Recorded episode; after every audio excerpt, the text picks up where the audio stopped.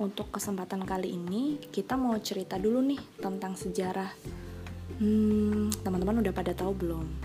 Kapan kira-kira agama Kristen dan Katolik itu datang ke Indonesia? Nah, buat yang belum tahu, kita mau cerita dikit nih tentang sejarah kekristenan di Indonesia. Awal mulanya pada abad ke-7 tahun 645 Masehi, agama Kristen masuk ke Indonesia melalui gereja Assyria di Pancur. Kalau sekarang namanya Deli Serdang. Dan di Barus, sekarang namanya Tapanuli, yaitu daerah yang ada di Sumatera.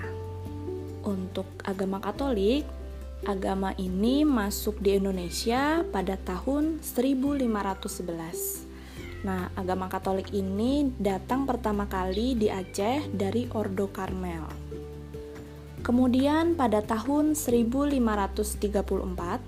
bangsa Portugis masuk ke Kepulauan Maluku untuk berdagang dan menyebarkan agama Katolik yang dipelopori oleh Franciscus Saverius, yaitu seorang misionaris Katolik Roma yang bekerja di Kepulauan Maluku pada saat itu. Sekarang kita berlanjut untuk presentase pemeluk agama Kristen dan Katolik di Indonesia. Nah, kalian udah tahu belum sih kira-kira berapa persen sih pemeluk agama Kristen dan Katolik di Indonesia? Nih, berdasarkan dari sensus penduduk Indonesia tahun 2010, memang udah sedikit laulo sih cuman memang gak ada lagi uh, tahun terupdate dari yang kami himpun untuk Kristen Protestan menduduki peringkat sekitar kurang lebih 6% di Indonesia. Sedangkan untuk pemeluk agama Katolik yaitu sekitar 2% di Indonesia.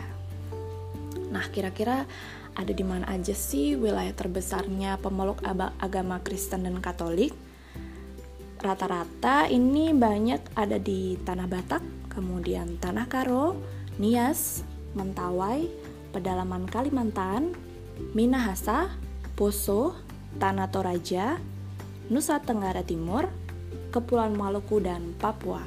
Nah, dari teman-teman mungkin ada yang berasal dari salah satu wilayah yang saya sebut.